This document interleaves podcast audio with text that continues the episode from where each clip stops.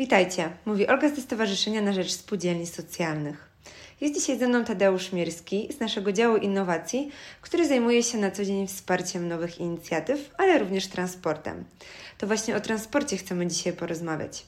Czy spółdzielczość może w nim zaoferować coś nowego i wyjątkowego?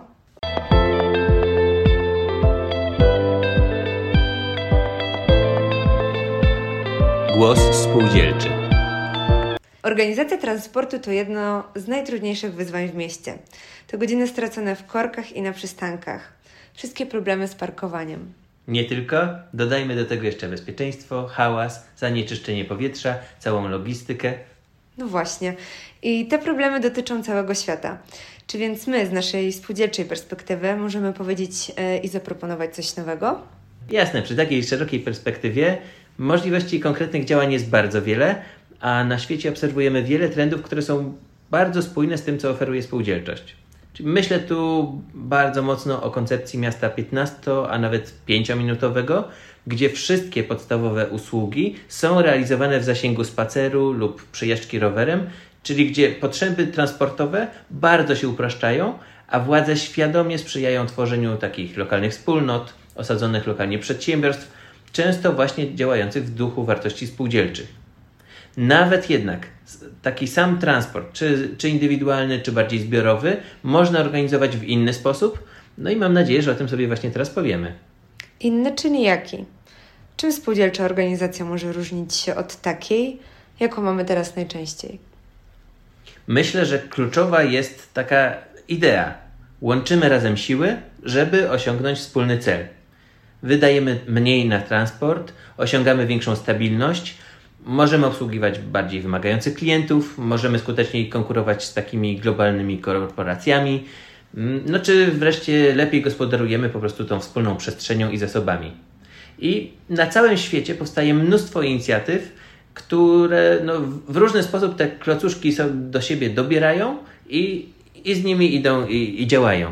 No i idąc takimi konkretami, mamy przykład Kanady, gdzie od 1997 roku działa MODO, i to jest taki spółdzielczy car sharing. Taki sposób, żeby zmniejszyć liczbę prywatnych, rzadko używanych samochodów. Twórcy tego MODO wyliczali, że większość prywatnych samochodów przez 95% czasu stoi bezczynnie, zabiera wspólną przestrzeń, generuje koszty dla swoich właścicieli. No więc jeśli spółdzielnia zaoferuje lokalnie taki stabilny, bezpieczny system współdzielenia aut, to tych aut będzie po prostu mniej, każdy będzie ponosił mniejsze koszty, zyska na elastyczności pod kątem tego, że ma dostęp do różnorodnych samochodów w zależności od tego, czego właśnie potrzebuje. No i w tym momencie to MODO, ta spółdzielnia obsługuje ponad 20 tysięcy użytkowników. Wiele osób mówi o takim nośnym haśle jak spółdzielczy Uber i rzeczywiście jest wiele takich inicjatyw, zwłaszcza w Stanach Zjednoczonych.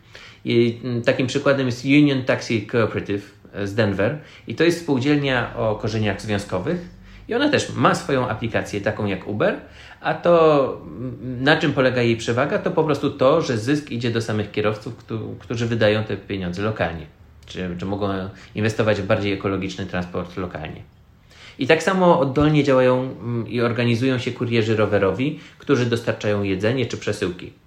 I w całej Europie powstaje mnóstwo spółdzielni, które w ostatnich latach rozwinęły się nawet w taką formę federacji. Ona się nazywa Coop Cycle i pozwala wymieniać się tym spółdzielniom dobrymi praktykami, czy wspólnie rozwijać oprogramowanie przy tych niższych kosztach i osiągając jakby lepsze efekty.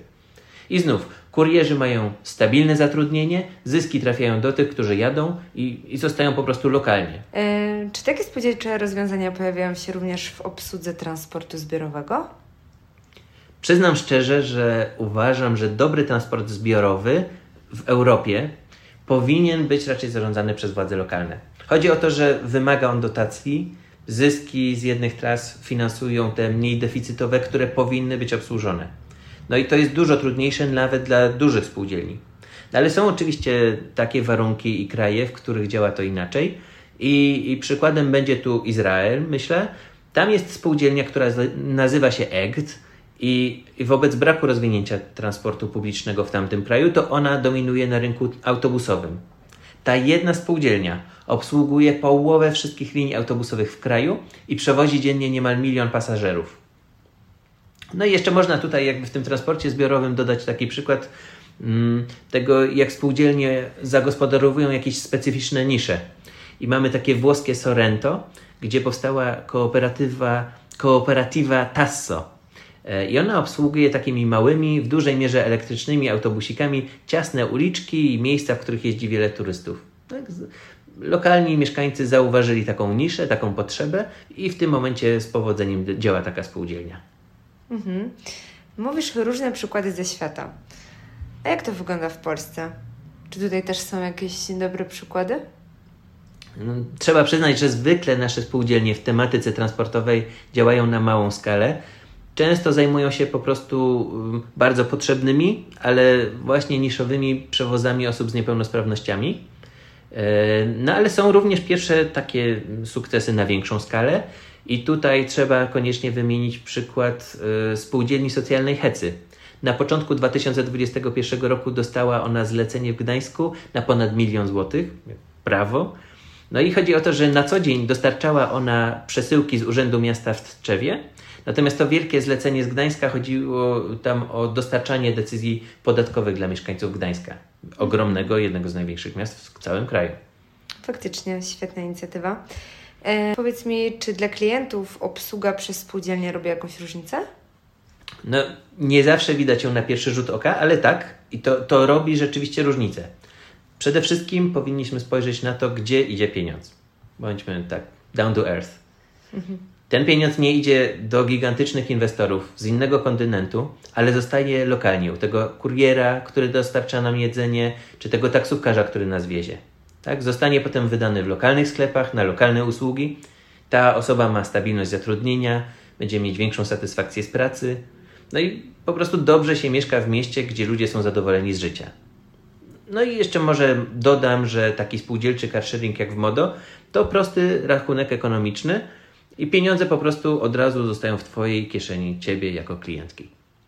Gdybyśmy mieli teraz tak podsumować e, naszą rozmowę, to myślę, że niezależnie od tego, czy na nas wpływa to, czy na nas to nie wpływa, powinniśmy mimo wszystko takie inicjatywy wspierać i liczymy, że będzie ich jak najwięcej e, w naszym kraju.